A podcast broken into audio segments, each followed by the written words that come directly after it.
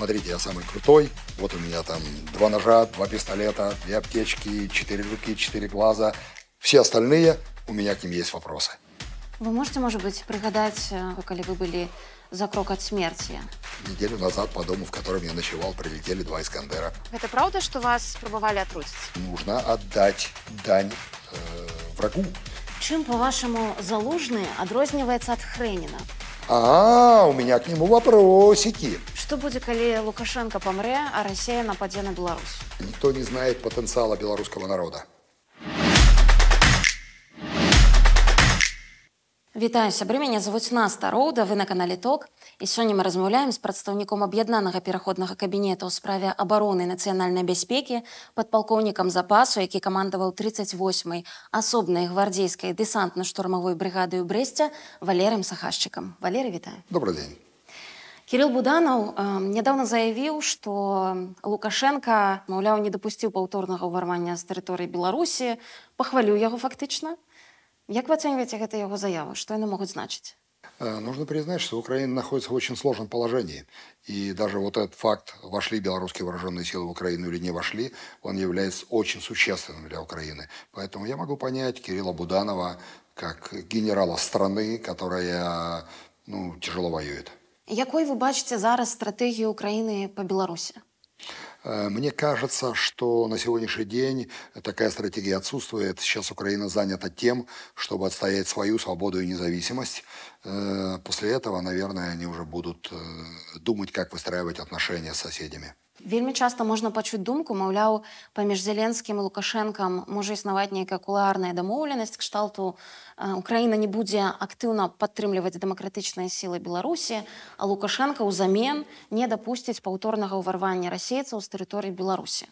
Э, Я не хочу заниматься конспирологией, не люблю это. Я думаю, что прямых контактов между Лукашенко и Зеленским нет, но на каком-то уровне контакты безусловно есть, и общение шло все это время войны, и то, о чем вы говорите, да, это действительно очень похоже на правду. Як вы лічыце, што павінны зрабіць беларусы, каб з імі пачалі лічыцца з нашай краінай? Не толькі украінцы, напрыклад, але ў прынцыпе у свеце, каб нас, наше меркаванне чулі. Э, ну, с белорусами, которые воюют в Украине, считаются сейчас. Нас там очень уважают и относятся к нам замечательно. Э, Никаких претензий не предъявляют. Э, Я думаю, что белорусы, которые помогают Украине в разных местах, на разных уровнях, э, также пользуются благодарностью и уважением. Ну а чтобы ко всей нашей стране начали так относиться, мы должны показать, что мы, как страна, э, во-первых, не представляем никакой угрозы для южной соседки, для Украины, ну и способны быть добрым соседом. Э, Ну, нам все это еще предстоит сделать. А тое, што робяць дэмсілы зараз, гэтага недастаткова? Тое, што людзі паказалі ў двадцатым годзе сілу сваю масавасць. Э, К сожалению, мы не довели дело до логического завершения. Нам не удалось победить. Э, Украинцам сложно объяснить, э, почему мы не победили, что э, причиной этого не является наша трусость, малодушие, а причины совершенно другие. Украинцы живут в другой ситуации. У них сменилось пять президентов, у них было два Майдана, у них вооруженные силы страны никогда не применяли против народа, поэтому люди сложили баррикады из покрышек, и все, и победили на Майдане. Я не говорю, что им было легко, им тоже было очень тяжело, у них расстреляли небесную сотню, они понесли большие жертвы, и они совершенно по-честному свою свободу и независимость э, купили, заплатив за это дорогую цену своей кровью. Но вместе с тем они не понимают, как так белорусы не могут поменять власть. Ну, для них, как и для европейцев, как для американцев, э, ну, такая мысль не укладывается в их стандарт мышления.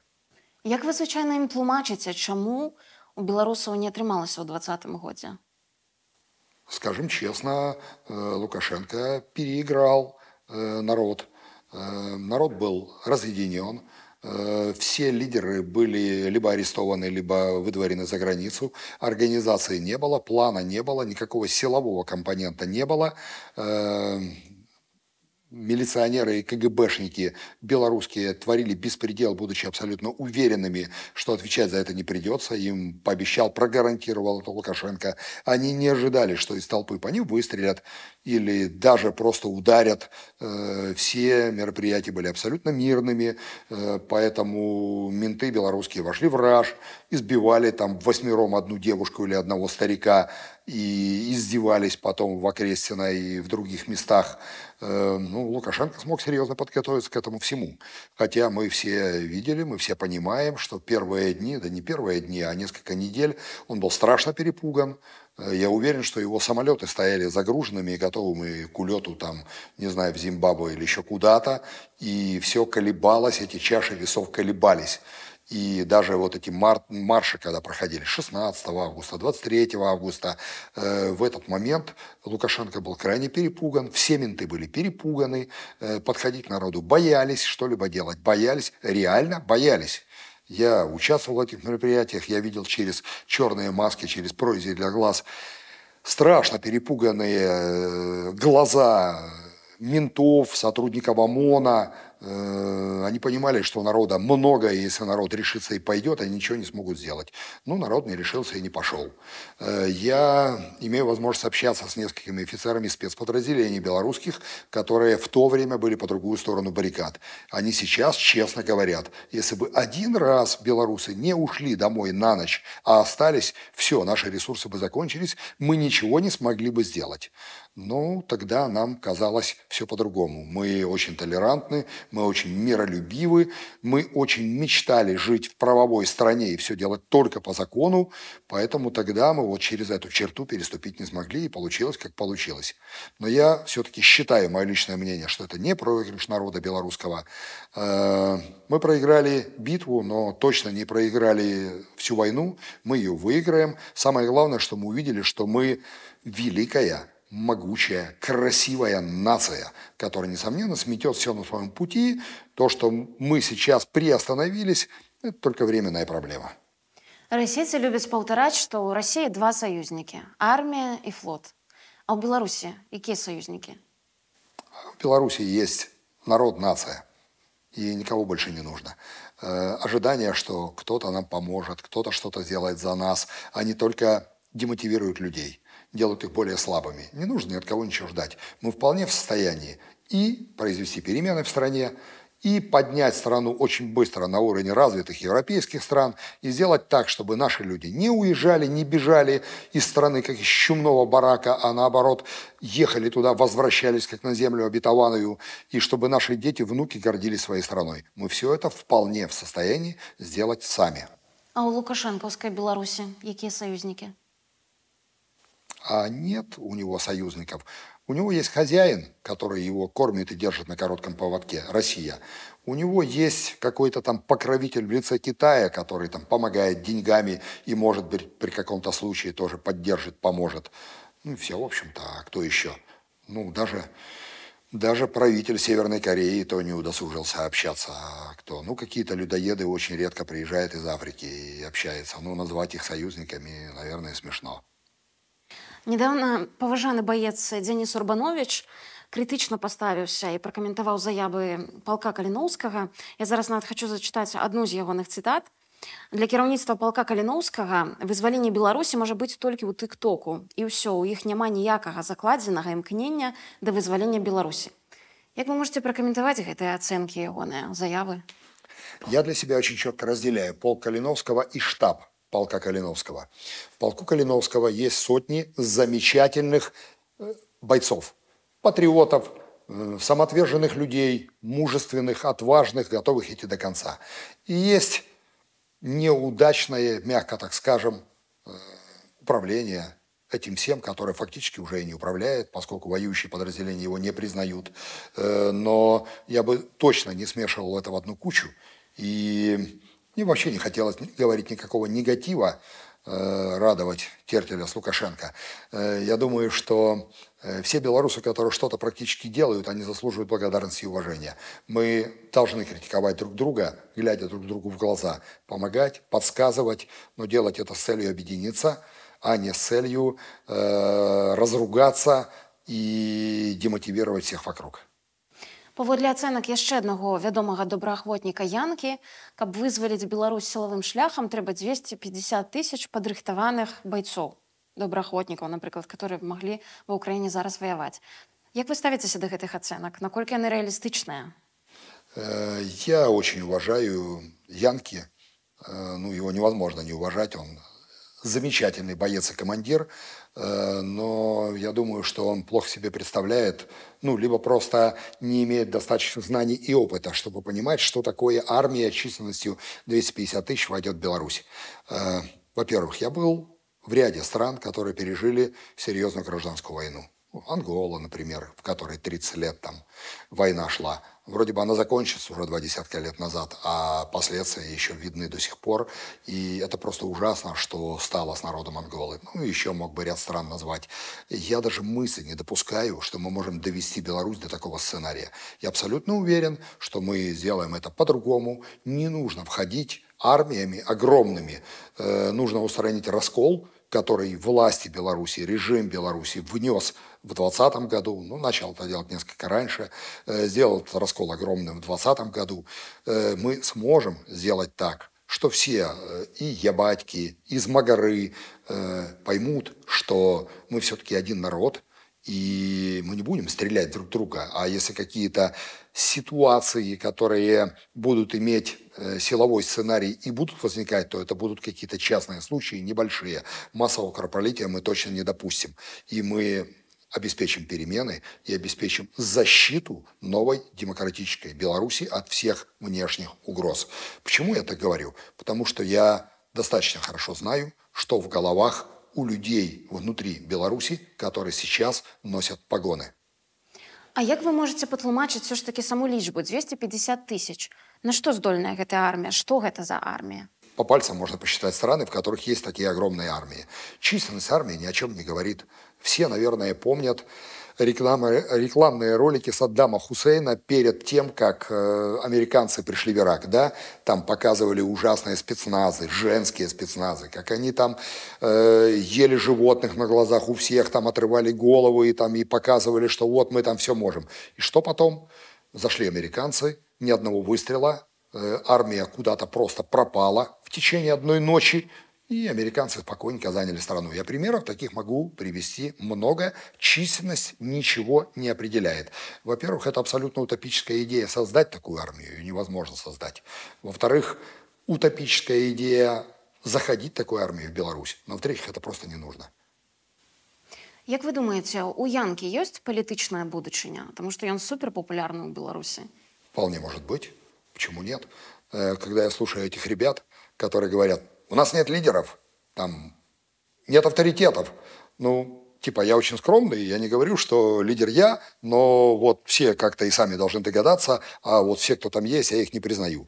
Э, ну, хорошо, молодец, красавчик, но даже если у тебя вот получится освободить какой-то родной город, один там маленький э, районный центр в Беларуси, это ничего не решит. Э, судьба страны решается в Минске, и чтобы изменить ситуацию в Минске, нужно намного больше сил, чем э, ну, можно себе представить, там реально создать в Украине.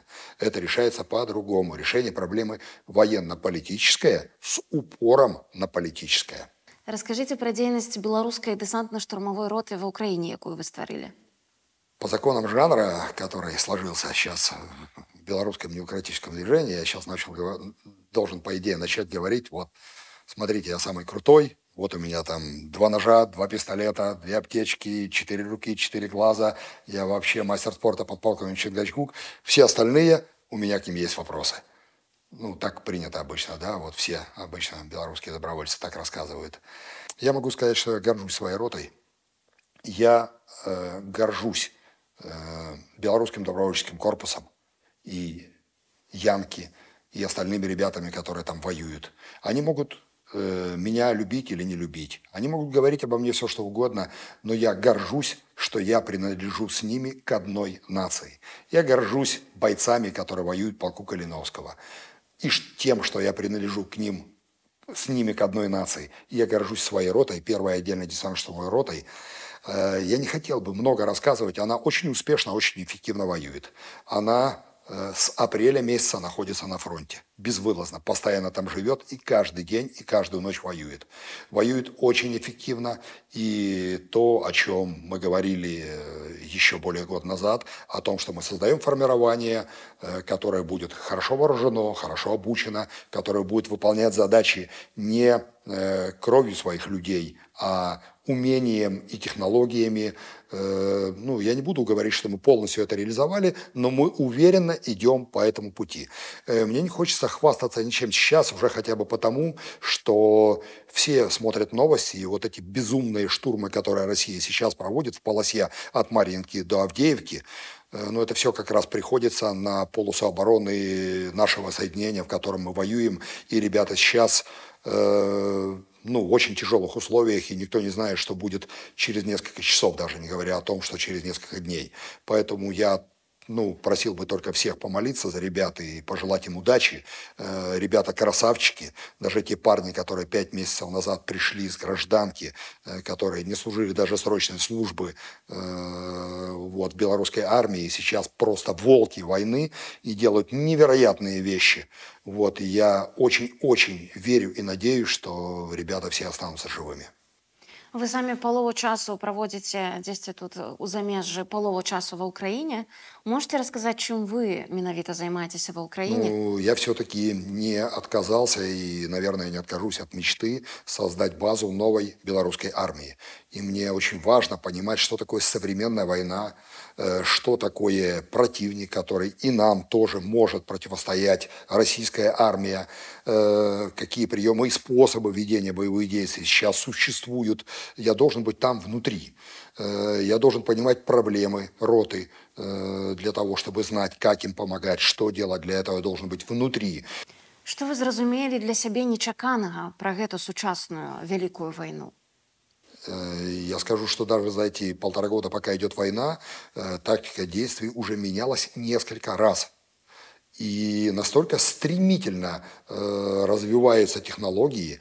Если еще там э, полтора года назад дроны были в новинку, то уже сменилось несколько поколений дронов за время войны, и буквально на неделе идет счет. Вот появляются новые виды дронов, и появляются э, средства, которыми с ними бороться. Это все цикл реагирования занимает недели всего-навсего. И ну, нужно жить этим, чтобы понимать, э, как это все идет и чего ожидать дальше.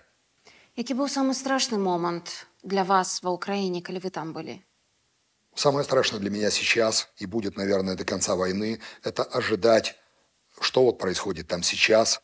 Утром ребята вернутся все или не все, все ли доживут до победы. Это самое страшное. Все, что пережито, оно уже пережито. Да, были моменты, э, которые действительно там можно называть э, ужасными, но свойство моей психики, когда экстремальная ситуация, я наоборот мобилизуюсь, собираюсь, у меня уходит э, то, что называется там мандражом, да, я наоборот при, начинаю быстро думать, быстро принимать решения, и какой-то страх приходит уже потом, когда ты возвращаешься и понимаешь, что в принципе тебе просто повезло, и ты мог бы уже быть там, ну и тогда ты начинаешь немножко волноваться. Э, ну, все равно я бы не назвал это страхом, страх, вот реальный страх за ребят. Вы можете, может быть, пригадать э, некую ситуацию, когда вы были за крок от смерти? Неделю назад по дому, в котором я ночевал, прилетели два «Искандера». Как вам удалось выбраться оттуда? Ну, видимо, Боженька решил, что я еще не все сделал на этом свете. Э, в принципе, шансов у меня не было, но я почему-то остался целым невредимым. Да, 90% твоего успеха и того, что ты выживешь, зависит от твоей обученности, твоего опыта, твоей интуиции, твоей экипировки, вооружения. Но 10% на фактор случайности нужно оставлять всегда. У нашай ніве вы называлі сярод асоб гістарычных, якія вам сімпатычныя Васіля Маргелава, который кіраваў э, дэсантным войскам савецкім. Але ён жа быў адным з душыцеляў праскай вясны у Чехаславакіі. Як вы ставіцеся да гэтай часткі яго біяграфіі? Василий Филиппович Маргелов был продуктом своей эпохи, как бы то ни было. Очень сложно ожидать, э, что он мог быть другим. Вот сейчас в каких-то странах начинают э, разрушать памятники э, выдающимся людям, потому что они были колонизаторами, они были угнетателями когда-то там в XIV веке, в XVII веке. Э, а могли ли люди тогда быть по-другому, жить по-другому? Тогда были абсолютно другие стандарты мышления, представления о том, что можно, чего нельзя, что хорошо, что плохо. Э, ну, я служил в той же армии, в которой служил Маргелов. И ну, я вам скажу, что я бы тоже тогда, в то время, выполнил любой приказ, потому что всю информацию я получал из одного источника, и в соответствии с этой информацией выходило все так, что правда на нашей стороне, Э, ну, это все очень сложно. Сейчас нашими мозгами мы понимаем, что это было ну, нечто ужасное, задушить пражскую весну. А тогда э, воинам, которые это делали, казалось, что они просто сделали свою солдатскую работу хорошо и все. Як ви лічыце, жанчына можа быць міністрам абароны эфектыўным? Ну, в ряде стран э, министры обороны женщины. И я думаю, что если бы они не были эффективными, то их бы не назначали на эти должности. Скорее всего, да. Э, просто есть большая разница, как это принято у нас и как это сделано в демократических странах. У нас э, министр обороны – это военный руководитель, там это политик. Политиком, конечно, женщина может быть и вполне эффективным. При якіх умовах гэта можа быць магчымым у Беларусі? Э, конечно, когда у нас будет э, создана база э, демократии, будут решены основополагающие проблемы, будет произведено разделение ветвей власти, если будет создана система сдержек и противовесов, если армия будет выполнять только свою роль защиты страны от внешней агрессии, то почему нет?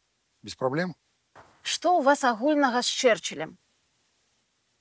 Не знаю Думаю, что ничего. Вадим Прокопьев казаў про вас, что вы белорусский Черчилль. Ну ці прынамсі претендуеце на гэтую роль. Э, я не претендую на эту роль. Если смогу принести пользу Беларуси, я буду рад, счастлив. Расскажите, как вы калісьці тренировали батальон нигерийцев у Афрыцы? Ну, это был очень интересный контракт между государствами Беларуси и Нигерии, в рамках которого мы в течение полугода обучали 750 военнослужащих Нигерии. Проект был очень успешным. Это называлось вообще антитеррористический центр. Им удалось вот этими 750 подготовленным э, нам людям э, убрать из Нигерии 35-тысячную группировку Боку Харам, это крыло исламского государства. То есть они были настолько хорошо подготовлены. Я в течение нескольких лет после окончания цикла обучения поддерживал связь, переписывался с некоторыми офицерами из этого центра. Они рассказывали, что э, после нескольких месяцев их действий э, исламское государство, когда понимали, кто перед ними, отказывались от э, контактов огневых. Просто убегали и все.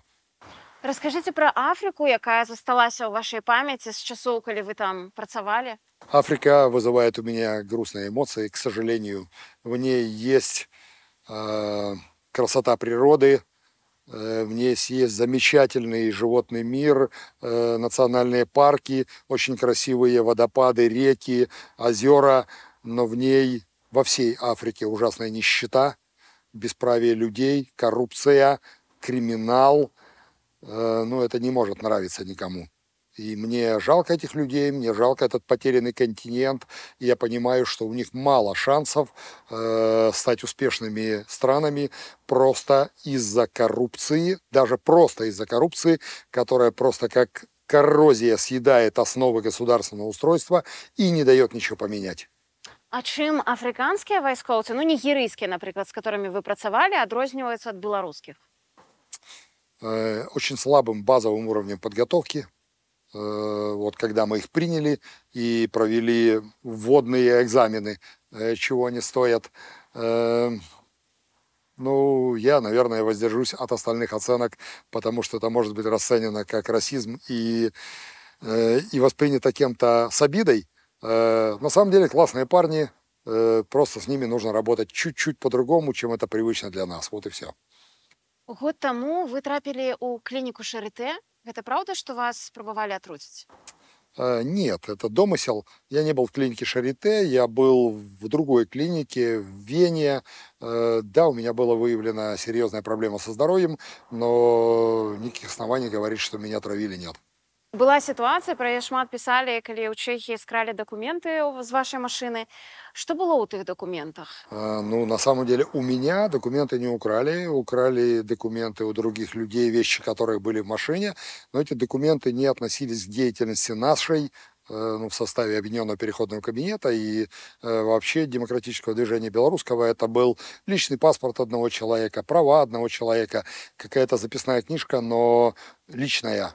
Э, Поэтому ну, никакой угрозы ничему там не могло быть, и последствий никаких не наступило. вашых гаджетаў дакументаў там не было Ну, Меня украли очень дорогой мне бритвенный станок, э, который мне подарил мой друг э, лет 20 с небольшим назад. Я, ну, как память, он мне был очень дорог. Ну, еще несколько вещей, типа там пены для бритья, зубной щетки. Як вы думаеце як гэта магло адбыцца? Просто таму што пытанне бяспекі людзей якія знаходзяцца ў замежжы яны стаяць вельмі востра і многія думаюць пра імавернасць таго што сілавікі лукашэнкі змогуць кагосьці выкрасці ці атруціць ці яшчэ штосьці. І гэта быў напэўна такі першы званочак першы прэцэдэнт калі хтосьці з беларускіх лідараў дэмакратычных ну пацярпеў у нейкім сэнсе ад дзеянняў зламыснікаў Ну, определенная угроза, конечно, существует.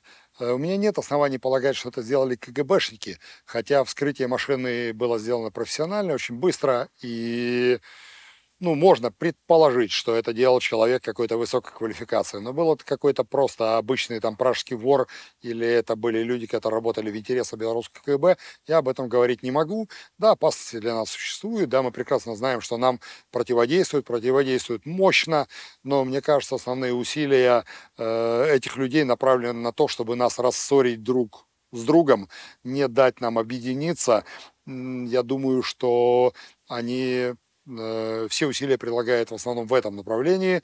Не думаю, что физической безопасности кого бы то из нас э, угрожает серьезная опасность.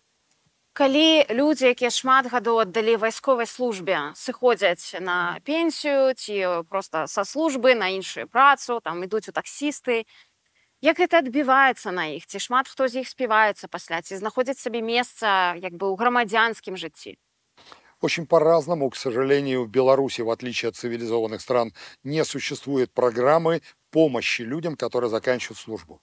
Программа шикарная работает в Израиле, программа очень хорошая работает в Германии, где человеку еще за какое-то количество лет до конца службы уже предлагают программы обучения, там прочее, прочее, прочее.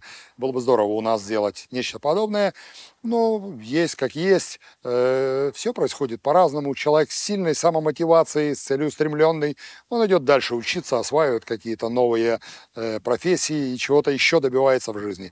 Ну, а кто-то застревает в гараже, на даче, на рыбалке, спивается. А як выглядаюць гэтыя праграмы падтрымкі якога роду дапамога оказывается Э, Ну, например, если говорить о Германии, то там в достаточно молодом возрасте, в принципе, э, с офицером разговаривают, э, хочет он продолжать до самой глубокой пенсии служить, или все-таки ему в возрасте каком-то, когда он еще успеет себя найти на гражданке, лучше уйти. И, в принципе, разговаривает и предлагает людям оставаться надолго тем, у кого есть большой потенциал, и видит, что из этого человека может что-то серьезное вырасти. А остальным говорят, вот тебе сейчас всего 36 там, или 38, смотри, мы тебе предлагаем, мы оплатим тебе обучение в университете, ты получишь вот такую-то специальность, мы тебе поможем вот так, вот так, у тебя еще полжизни впереди, ты все успеешь сделать, давай. И многие соглашаются. А алкаголь увогуле гэта праблема ў войску алкагалізм Э, Сложно сказать. Э, Я не думаю, что это м, была такая шутка, да. Э, Всем нравится. Для, ни для кого это проблема не является. Э, Ну, мне кажется, что это преувеличенная проблема.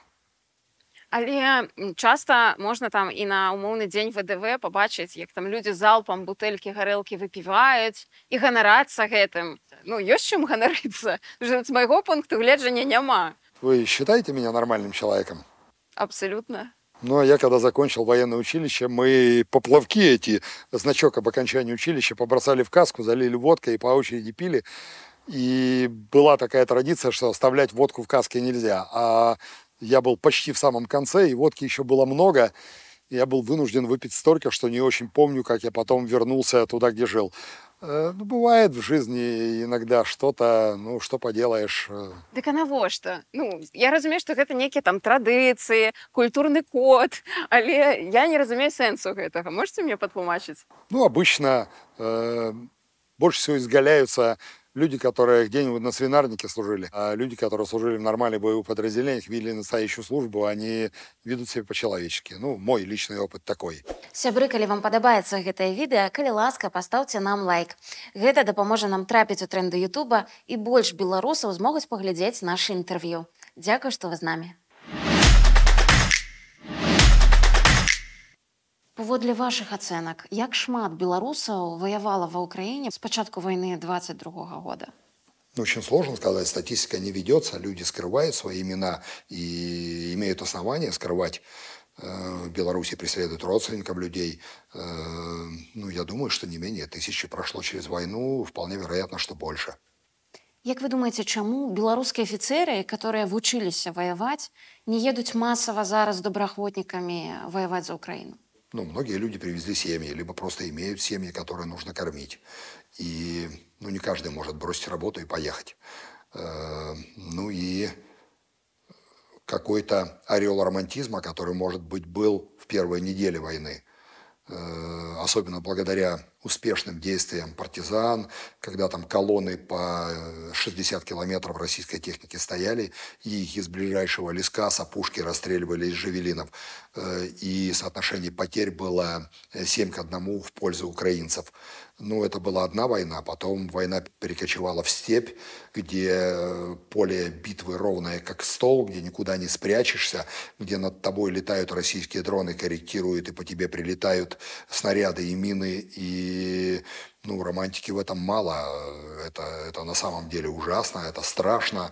Э, Много людей погибло, самых замечательных наших парней, белорусов, э, погибли. Э, Кто-то получил ранения тяжелые, кто-то просто выгорел от пребывания длительного в состоянии вот этого ужаса, крови, э, бесконечных смертей и ранений вокруг. И ну, люди уехали. Это очень сложно. Об этом может судить только человек, который сам это прошел. Об этом, ну, это невозможно понять э, по книгам и фильмам. Мы ўсе памятаем аперацыю падрыўную, калі ў мачулішчах падрывалі расійскі самалёт-разведчык. Як вы думаеце, гэта варта было таго, таму што дагэтуль людзі спрачаюцца, маўляў, наступствы той аперацыі, колькі людзей пацярпела пасля той аперацыі невінаватых ні ў чым у Беларусі, которых затрымлівалі просто таму, што пад гарачую руку трапілі. Ці варта гэта было Ну, таго? мое личное мнение, что незначительное повреждение самолета точно не стоит там 50 поломанных судеб людей, которых арестовали. Целыми семьями э, родителей арестовали, а детей отдали в детдом. Ну, я вообще при планировании любой операции прежде всего просчитывал бы последствия жертвы и очень сильно думал бы, стоит того или не стоит. Як вы лічыце, чаму так шмат беларускіх добраахвотнікаў ужо загінула на вайне? Это очень тяжелый вопрос. Я очень боюсь затронуть чье-то самолюбие. Э, Ну, первый, первая причина, самая большая, – конечно же, определяющая, что это ужасная война, на которой гибнут тысячи украинцев. Э, Ну и, наверное, белорусы понесли потери где-то там соразмерно от своей численности тем потерям, которые несут украинцы. Ну и вместе с тем, да, я бы, я бы проводил работу над ошибками, я бы записывал опыт. И, к сожалению, есть случаи, когда люди погибали из-за не совсем э, грамотных решений командования, из-за недостаточной обученности. Но мы должны признать, что такие случаи, к сожалению, были. Хто вас можа быць уразіў з беларускіх добраахвотнікаў сваёй смеласцю, адданасцю, дзеяннямі падчас вайны? Мне бы очень хотелось сказать, что все белорусы, которые сейчас находятся в составе вооруженных сил Украины, настоящие герои, э, генофонд нашей нации и будущее нашей нации. Э, вместе с тем, чтобы быть до конца честным, нужно сказать, что война калечит всех. И все люди, которые там находятся, особенно находятся длительное время, особенно э, как, например, Волколак, которого вы упоминали, который многократно был ранен и уже полтора года, находится э, вот в этой тяжелой обстановке, я, допустим, не уверен, что человек э, полностью сможет восстановить свою психику. Э, я считаю, что и Украине, и нам, нашему народу предстоит еще тяжелая работа по психологической реабилитации людей, которые прошли этот ужас и кошмар, чтобы они стали вновь полноценными членами общества. Это, это будет сложно. Я смотрю на своих ребят, которые вот не вылезают с боевых, люди меняются. И когда человек наконец берет отпуск, там после э, полугода, например, э, жестких боев и отъезжает куда-то в сторону, просто отсыпается, э, спит в кровати с белым бельем, моется в душе с теплой водой, и с ним через три дня после этого разговариваешь, и он говорит, у меня посттравматический синдром. Мне страшно от того, что я пережил, и я не уверен, что я хочу туда возвращаться. Это все очень-очень непросто. И блин, это, вот это явление, оно настолько неоднозначно. Да, ребята герои, да, ребята молодцы. Э, мне иногда бывает жалко этих ребят. Мне бы хотелось очень, чтобы эти ребята вернулись на родину, чтобы они на самом деле заняли надлежащее место э, в обществе в целом. Вполне вероятно, что во власти новой демократической Беларуси. Но мы все должны настроиться на то, что мы должны людям помочь. Вы можете подказать, як захавацца на вайне псіхалагічна, ментальна, як перажыць вайну тым, хто браў удзел у баявых дзеяннях? Правильнее будет эти вопросы задавать тем, кто безвылазно воюет там. Я все-таки нахожусь там только время от времени. Э, ну, мое мнение, что э, все эти законы описаны давно, века еще назад, кодекс самурая, который говорит, когда ты идешь в бой, ты должен себя уже похоронить. Тогда ты сможешь быть абсолютно спокойным, быть собранным, действовать как холодная боевая машина, а не как человек, подверженный эмоциям. Тогда у тебя шансы остаться живым повышаются. Научиться радоваться мелочам, научиться радоваться тому, что можно просто помыться, можно просто надеть чистое белье, поменять носки э, и, и массе-массе других маленьких вещей, когда приходят письма от украинских детей с рисуночками детскими, с благодарностями ребятам, которые защищают. Просто научиться этому радоваться и ставить это выше тех ужасов, которые приходится испытывать. Расскажите, как вы ставіцеся зараз до Вадима Прокопьева? И насколько шчыльна вы працуеце разом? Ну, мы находимся сейчас на разных континентах. Э, мы э, являемся единомышленниками, несомненно. Э, я Э, уверен, что система ценностей моя и Вадима э, не отличаются, по крайней мере, не отличаются кардинально. И представление о том, какой путь должны мы пройти, чтобы добиться перемен на родине, э, думаю, что тоже не сильно отличаются. Мы встречаемся по мере возможности, разговариваем. Я очень ценю в Вадиме его креатив. Мало людей, которые способны настолько нестандартно мыслить, предлагать какие-то совершенно неожиданные варианты действий, пути, э, до которых почему-то никто не мог додуматься. Да, не в 100% случаев это реалистично, но все равно он является уникальным человеком в плане вот такого потенциала. Як вы разумееце, чаму ўсё ж такі яго попрасілі з'ехаць з Украіны даволі хутка пасля таго, як ён паспрабаваў там штосьці стварыць сам? Ну вы же затронули тему каких-то договоренностей между руководством Украины и э, режимом Лукашенко. Ну, я бы не хотел углублять эту тему, но оно где-то там лежит. Як вы ставіцеся да кіраўніка миссии демократичных сил у Киеве Геннадия Манько? К сожалению, меня не ознакомили с его должностной инструкцией, его функционалом. Э, я занимаюсь своим делом, он занимается своим делом. Э, я надеюсь, что мы увидим какие-то положительные результаты его работы, и тогда сможем его оценить. Ну, вот, в общем-то, все, что я могу сейчас сказать. Чому українцям не удалося прорвати фронт подчас контрнаступу недавнього? Э, ну, самый тяжелый участок обороны, первую линию прорвать удалось. Э, но все-таки, давайте скажем честно, в 21 веке высочайшего боевого духа и патриотизма мало. Нужна авиация, нужна артиллерия, нужны боеприпасы к артиллерии, нужны ракеты. Э, к сожалению, во всем этом Украина крайне ограничена на сегодняшний день. С авиацией, ну, возможности Украины несоизмеримо уступают россиянам. По артиллерии все-таки дефицит боеприпасов есть все время. И на задачи огневые, на которые по наставлению положен расход боеприпасов, к примеру, там 40 снарядов приходится тратить 4, а иногда и меньше, это все, конечно же, сказывается. Ну и плюс э, нужно отдать дань э, врагу. Э, россияне тоже учатся, россияне далеко не слабаки, далеко не дурачки, они очень умело воюют, они создали мощнейшую систему обороны с очень мощной системой минирования, которую преодолеть крайне сложно. Ну, все в комплексе это вылилось вот такой результат. Вместе с тем наступление продолжается. Как вы думаете, Украина сможет выйти до Азовского моря и вызволить Крым? Э, вы знаете, я наблюдал эпизоды боевые, когда ситуация менялась в течение нескольких минут. Да, это было на примере небольших тактических подразделений – Э, ну, например, наша ночная группа ночных охотников э, произвела засаду в тылу позиций русских и просто уничтожила подразделение, которое шло по ротации, чтобы сменить подразделение, находящееся на позиции. Э, там крайне из них не добежали до своих окопов буквально 2-3 метра, были убиты нашими снайперами.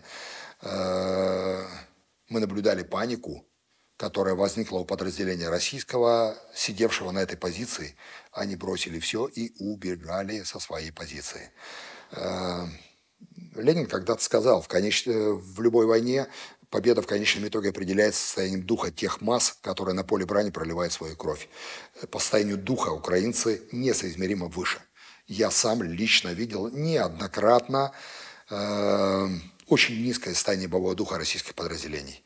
Я видел сам когда, например, подразделение российское захватило какой-то объект, ну, скажем так, шахту, и э, часть людей уцелела и спряталась в бетонных сооружениях, а часть людей осталась убитыми и ранеными на простреливаемом пространстве перед ними. Расстояние 10 метров до человека, который ранен, тяжело ранен, сам себе помочь не может, кричит, просит о помощи. В 10 метрах от него находятся его побратимы, и они не помогают ему. Э, я думал, хорошо, сейчас день, и, наверное, там они ночью придут и эвакуируют его ночью. Но на утро мы увидели с дронов дошедших, умерших парней, а видели еще тех, кто продолжает шевелиться и пытаться ползать. Их так никто и не эвакуировал. О чем это говорит? Это говорит о том, что люди уже находятся просто в панике, что состояние духа крайне низкое, что они думают только о себе и ни о чем больше, как выжить самому. И в принципе это состояние, которое можно характеризовать как потерю человеческого облика. Поэтому я считаю, что может быть одно успешное действие какое-то украинской армии, которая может просто обрушить фронт и заставить все сыпаться. Я допускаю такой, такой вариант, что в этом году Украина выйдет к Азовскому морю. Ну, для этого должно вот нечто подобное произойти. Можете так само патлумачыць, чаму зараз немагчыма вызваліць Донецк, например? Ну, на самом деле от Донецка мы находимся совсем недалеко. Но ну, нам противостоит очень э, серьезный враг.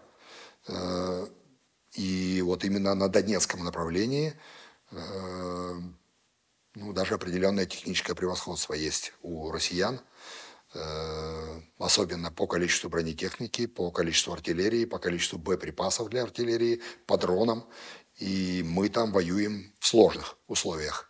Э, я понимаю, что украинцы сосредоточили свои усилия на других участках фронта, а наша задача ну, другая, стянуть на себя максимальное количество врага, и мы эту задачу выполняем. Но наступать и освобождать Донецк нам э, в этой ситуации ну, не представляется возможным на сегодняшний день. Э, кроме всего прочего, я, допустим, э, старался бы такие города обходить и создавать условия, при которых противник покинет сам эти города, э, избегая окружения. Э, потому что бои по освобождению крупного города – это огромная жертва среди гражданского населения, это огромное разрушение инфраструктуры. Э, повторять то, что сделали русские в Мариуполе, мне кажется, что Украина не будет. Чем по-вашему, Залужный адрозніваецца от Хренина? Э, я бы вообще людей этих не сравнивал, вот вообще никак. Э, ну, то есть то, что один в генеральской форме и другой в генеральской форме, вот на этом сходство заканчивается. Э, Залужный – это великий мыслитель своего времени. Прежде всего, гений мысли – это человек, который всегда думает на годы вперед. Он сейчас находит способы вооруженной борьбы, э, о которых люди, может быть, додумаются еще неизвестно когда. Он это создает, он это очень быстро внедряет, он создал систему, при которой от мысли, идеи до технической реализации и применения на поле боя проходят недели всего. Он создал такую команду, такой коллектив людей, заинтересованных, замотивированных, патриотичных, которые простой человек, просто способный что-то придумать, может в любой момент зайти к Валерию Федоровичу, предложить, и он абсолютно уверен, что уже сегодня вечером у, него будет все для того, чтобы это реализовать. Таких людей, как Залужный, э, история рождает редко, и это просто подарок э, судьбы, что в Украине оказался такой человек. А Хренина, как вы оцениваете на его посаде? Ну, стандартный чиновник в военном пиджаке с погонами. У выпадку войны як ён будзе дзейнічаць? Ён здолее оборонять Беларусь? Ну, просто давайте вспомним события э, от 9 августа 2020 года. Где был Хренин? Хренин был в госпитале, он заболел. Пока все вот шаталось, колебалось и была непонятная ситуация, он предпочел для себя поболеть. Ну, дальше нужно что-нибудь говорить? А Данилов от Вольфовича чем отрознивается? Ну, мне будет труднее э, ответить на этот вопрос. Во-первых, я лично не знаком с Даниловым. Я, ну, мне сложно характеризовать этого человека. Я как-то могу судить по информации, которая появляется в открытых источниках. Он мне создает впечатление э, очень мощной, цельной личности, э, способной системно мыслить и способной реализовывать э, серьезные задачи. Э, что касается Вольфовича, ну, я на самом деле хорошее мнение о Вольфовиче. Я хорошо знаю этого человека. Э, в меня сейчас полетят камни и, возможно, другие предметы. Я это прекрасно знаю, но я все равно считаю, что должен говорить то, что я думаю. Э, я считаю Вольфовича очень э, образованным, очень интеллигентным человеком и, как бы это ни звучало неожиданно, может быть, для аудитории, патриотом Беларуси. К сожалению, на том месте и в той роли, в которой он находится – Э, он поступает так, как он поступает. Но я верю в то, что когда поменяется ситуация, он проявит э, свои лучшие качества, проявит свой потенциал и принесет большую пользу Беларуси.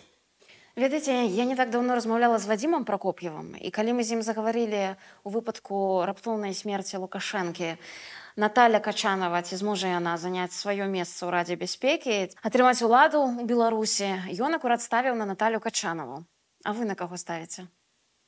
Я ставлю на белорусский народ, э, который, э, часть его, который разделен сейчас, к сожалению.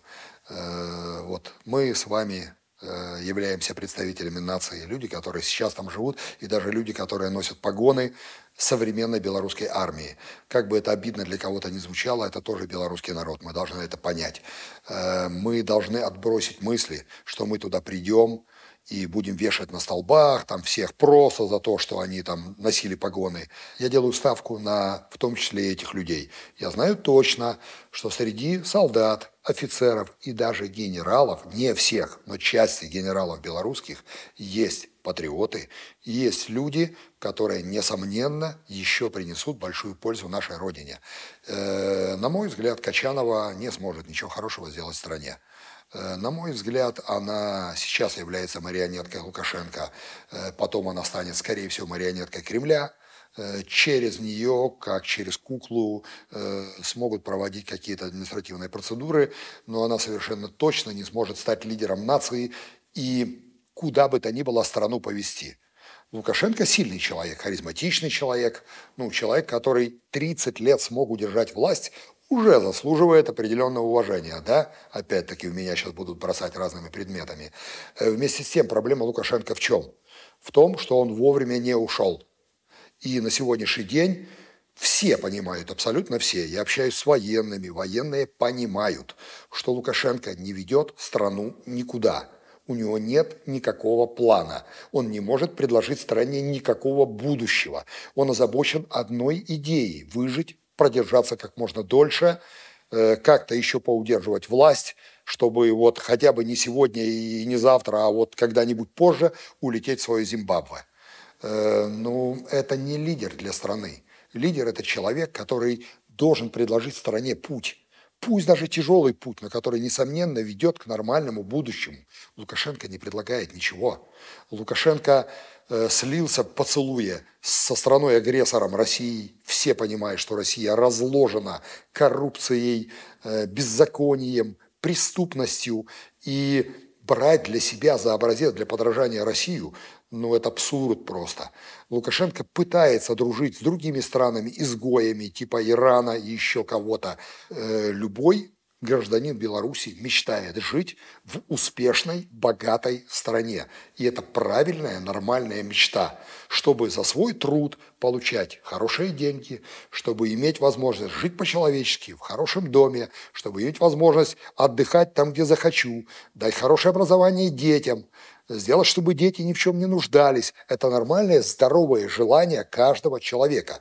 Люди в европейских странах могут эти желания реализовать. Люди в Америке могут эти желания реализовать. В Великобритании и в еще ряде стран. Э, почему белорусы не могут? Белорусов поставили в такие рамки, когда вывели страну из правового поля, права людей ничем не защищены, заработать нормально в стране невозможно, да, какая-то часть населения сейчас зарабатывает на военных заказах России. Я бы не хотел ни за какие деньги делать снаряды для российской армии, сейчас понимая, что то, что я создаю, направлено на убийство людей, в том числе женщин и детей. Как можно радоваться этой заработной плате, которую тебе выдали, если ты понимаешь, что продукт твоего труда несет смерть и разрушение? Э, мне кажется, то, что происходит сейчас в Беларуси, это просто ужасно. Мне очень хотелось бы, чтобы любой разумный человек, который находится сейчас внутри Беларуси, и человек в погонах, и чиновник, и огромное количество там других людей, интеллигенции, там, бюджетников, э, а большинство этих людей разумны. На сегодняшний день они думают, думают примерно так. Да, в 2020 году мы проиграли. Да, э, Лукашенко э, жестокой силой подавил волю народа. Все видели, что абсолютное большинство, подавляющее большинство населения Беларуси было за перемены. Говорить по-другому, ну, просто глупо. Все видели это своими глазами. Э, вместе с тем, э, Лукашенко имел монополию на насилие, и он этой монополией воспользовался беспредельно, поломав все законы, все базовые конституционные права людей и сделал то, что он сделал. Но э, какая альтернатива Лукашенко? Люди смотрят, пытаются разбираться, интернет пока в Беларуси не отключили. Да, есть Лукашенко, э, при котором жить неприятно, воняет, дышать этим воздухом неприятно. Но какая альтернатива? Люди, которые там называли себя лидерами, ну, практически все либо в тюрьме, либо за границей. Хорошо, ребята, вы там за границей, объединитесь, покажите мне программу, покажите мне стратегию, дайте мне команду, что мне делать, и я, возможно, буду делать. Но вы там ругаетесь друг с другом, вы там э, делите какие-то деньги или обвиняете друг друга в том, что он там какие-то деньги куда-то не донес. Вы все время ищете, кто какой агент, э, какие-то средства массовой информации, якобы демократичные, смакуют, когда один человек обливает дерьмом других людей. Вы вообще кто? Вот вы вот это пытаетесь мне показать как пример для подражания и говорите, объединяйся вокруг нас, переходи на нашу сторону. На какую вашу сторону? Вы сначала между собой разберитесь. Замечательные люди, которые там воюют сейчас в полку Калиновского. Там герои, которые говорят, мы сейчас сядем на танки и приедем в Минск. Вот я себя ставлю на место белорусского подполковника, который командует там условным э, парашютно-десантным батальоном в белорусской армии, он смотрит выступление этого человека, что он сядет на танки, приедет воевать Против кого? Против меня? Ты приедешь воевать? И ты мне рассказываешь, что ты за какую-то новую там Беларусь со светлым будущим, ты приедешь, разрушишь здесь все, что можно, превратишь в поле битвы, прольешь огромную кровь, натравишь брата на брата, отца на сына, и я должен переходить на твою сторону и слушать тебя, парень, ты, не знаю, возьми какую-нибудь книжку в библиотеке, почитай, вообще вернись с небес на землю, с луны и, и подумай, кто ты, кто ты, кто я. Может, мы вообще неправильно разговор ведем.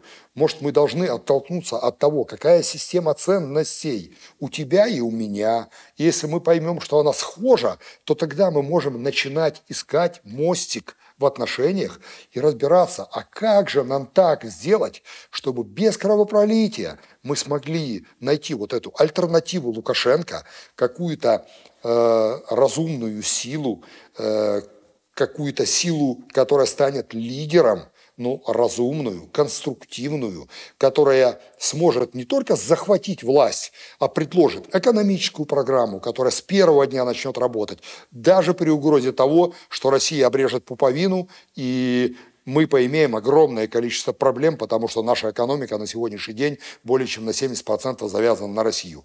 Даже несмотря на такие сложности, такие сложности, все равно наша экономика выстоит. И пусть даже будут два года трудных, но после этого страна пойдет уверенно вперед и вверх, как, например, Польша, как Чехия, как еще ряд успешных ныне стран. Предложите нам программу. Покажите, что вы разбираетесь в экономике. Покажите, что вы реально оцениваете ситуацию, что вы реально просчитываете сценарии перемен.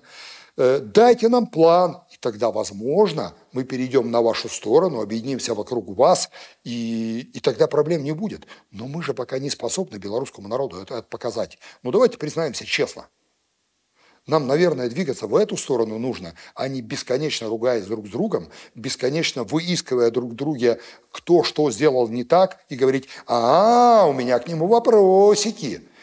До нас всего белорусов, которые активные действия предпринимают, ну, пару тысяч, я так думаю, и не более того.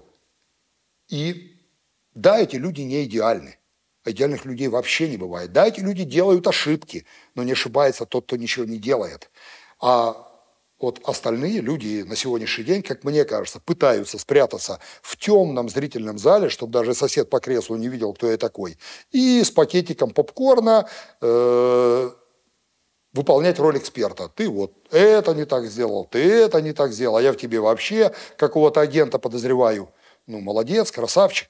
Но я почему-то, находясь на освещенной сцене, пытаюсь что-то делать.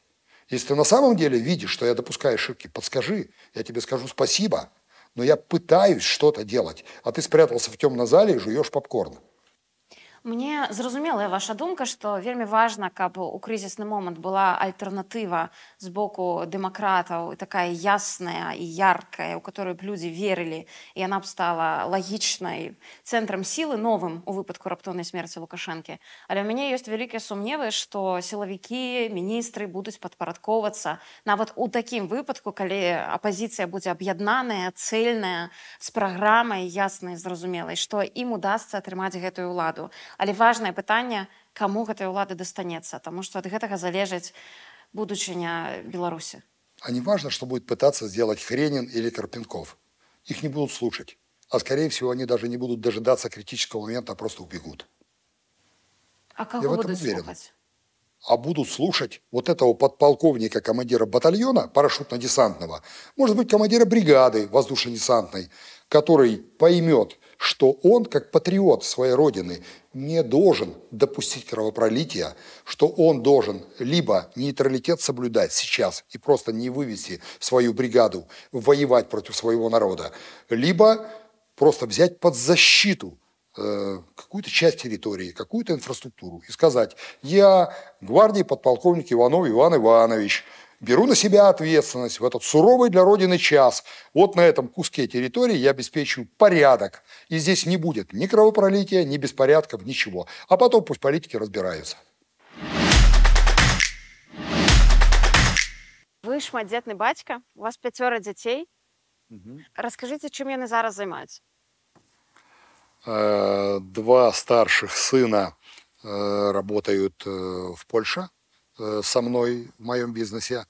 Э, младший сын служит в войске польском. Он нашел себе э, очень интересную профессию. Он э, водолаз-спасатель. Э, вот там масса-масса специальностей есть, которые он освоил. И ну, ему очень нравится. Нравится коллектив, нравится работа. Ну, он этим занимается. На мой вопрос, какой нафиг флот, почему флот? Он сказал, батя, ну ты же тоже десантником первым в нашем роду был, ну я это попробую. Ну вот, занимается этим. Э, дочка старшая э, учится в университете на выпускном курсе, э, младшей дочери скоро будет 5 лет. У СМІ була інформація, що один з ваших синів офіцер. Я так розумію, це про когось із старейших. Угу. Як йому вдалося вийти з білоруської системи, пер- переїхати до вас? Чи було складаним для його це рішення? Конечно же, решение было сложным. Он служил э, на очень хорошей должности в командовании сил специальных операций Беларуси. И он вынужден был уходить, потому что его пытались арестовать. Э, после того, как я просто выступил э, против э, войны, ну, реально так, э, у меня не было никакой цели далеко идущей. Я просто как гражданин своей стороны высказал свое мнение, что я против войны России против Украины и против э, участия в этой войне Беларуси. Но меня после этого назначили врагом, преступником, возбудили уголовные дела, ну и вынудили моего сына уходить, потому что иначе бы его арестовали. Поэтому он ну, вынужден был уйти, и сейчас он находится в другой стране. Я можу уявити, як ви синов виховували, а як з дочками вам? У вас дві дочки, одна старіша, їй 20, молодшій 5. Які ви як батька? Ну, младшая дочка переделала меня полностью. У який бок? я стал беспомощным, до обидного добрым. Э, я не могу применить э, к ней ничего из того диапазона э, мер воздействия, который привык применять к людям э, в целом и к детям в частности. Э, Ну, я счастлив, что у меня есть это сокровище, это создание. У вас було три шлюби? Що ви зрозуміли про жінчин за цей час? Я безмерно благодарен своей супруге э, за то, что она переносит все нагрузки, которые выпали на ее долю в связи с тем, чем я занимаюсь. И при этом еще э, может меня любить, сохранять э, замечательную атмосферу в семье. Я никогда себе не позволю ее предать, ее обмануть, изменить ей. Я на самом деле очень сильно благодарен Богу, судьбе, что мне встретилась такая женщина. Я чувствую себя абсолютно счастливым А мужчиной як ви зустрілися? будете смеяться. Э, Я был в командировке в Кении, строил объект. Э, Я смотрел новости на Тутбае, увидел там этот ярлычок знакомства Тутбай, открыл. Мне понравилась ее фотография, я ей написал, она ответила. Потом оказалось, что наши дети ходят в один класс. Да, и ну, когда мы познакомились, просто я давно жил в Южном, и мой сын младший ходил в эту школу, а она переехала с другого района, только к нам. Мы еще не встречались ни на родительском собрании, нигде, хотя сын мне уже успел рассказать, что в классе появилась очень интересная девочка. Э, Вот, и когда мы познакомились, да, оказалось, что дети в одном классе, мы в первые выходные поехали в Мирский замок с детьми, все были счастливы, всем очень понравилось. Вторые выходные в Дудутке, третьи выходные в Гродно Э, Ну и когда я посмотрел, какая химия возникла вот в нашем коллективе, в нашей банде, э, я решил просто не испытывать судьбу, не затягивать, а быстро-быстро сделал предложение и, и женился. Вот. Що саме важне для щасливої сім'ї? Наверное, честность, порядочность в отношениях. За що ви вдячні своїй жонці і своїм дітям? У нас на самом деле замечательные отношения. Мы действительно команда, мы помогаем, поддерживаем друг друга. Я очень благодарен своей старшей дочери. Она мне здорово помогает регулярно с какими-то переводами выступлений, тренирует меня озвучивать что-то на английском языке. Причем она, в отличие от всех остальных, не боится мне делать замечания и даже просто меня жестко прессовать там, за неправильную интонацию, за неправильное произношение. Вот, это замечательно. Э, Как-то все дети разные, но это здорово, что они разные, и здорово, что все они есть. Яка структура більш ефективна, на ваш погляд? Українська ГУР чи російська ГРУ? Ну, конечно, украинский ГУР. Э, Если рассматривать э, спецподразделения, э, страны, то это не только ГУР, в Украине еще есть ряд специальных подразделений, и они, конечно же, более эффективны, чем россияне. Э, вообще война идет очень жестокая. Россияне потеряли цвет своих специалистов, которых имели до войны. Все лучшие люди погибли, или почти все.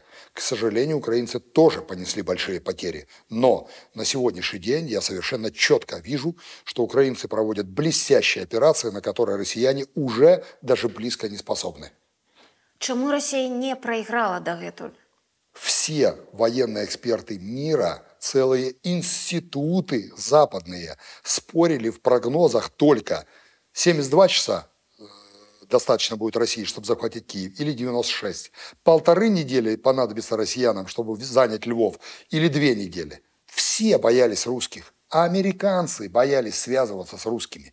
Если бы русские начали не с Украины, а, например, с Литвы, Латвии, Эстонии, совершенно не факт, что НАТО исполнила бы пятый пункт своего договора и вступила бы за эти страны. А может быть, начали бы отбуксовывать и предлагать компромиссные варианты.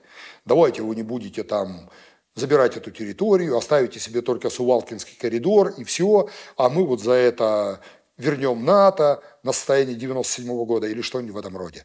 Вот я допускаю, что это могло бы быть, если бы украинцы не стали грудью, если бы не нашелся генерал Залужный, масса других генералов не менее талантливых в украинской армии, если бы пацаны украинские, футбольные фанаты не пошли добровольцами, даже не будучи оформленными никуда, просто взяли оружие и пошли воевать, не дожидаясь ничего, весь украинский народ не поднялся, не противостоял этой навале то ничего бы не было.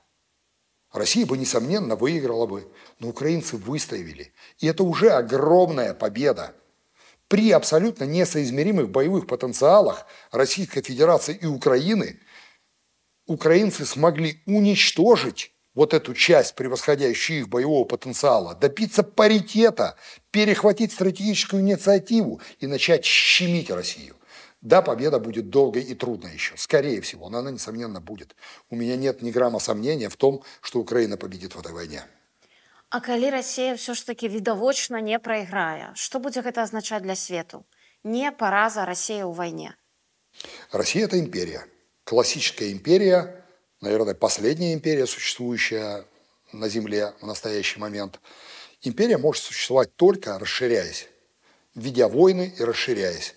Если режим э, кремлевский обломает зубы об Украину и ничего сделать не сможет, а если еще мы вырвем у него из зубов Беларусь, это будет начало конца империи. Процесс гниения и разложения сильно ускорится, и страна перестанет существовать в совершенно обозримом будущем. Э, Россия обязана будет выплачивать репарации огромные, правильно? И восстанавливать Украину.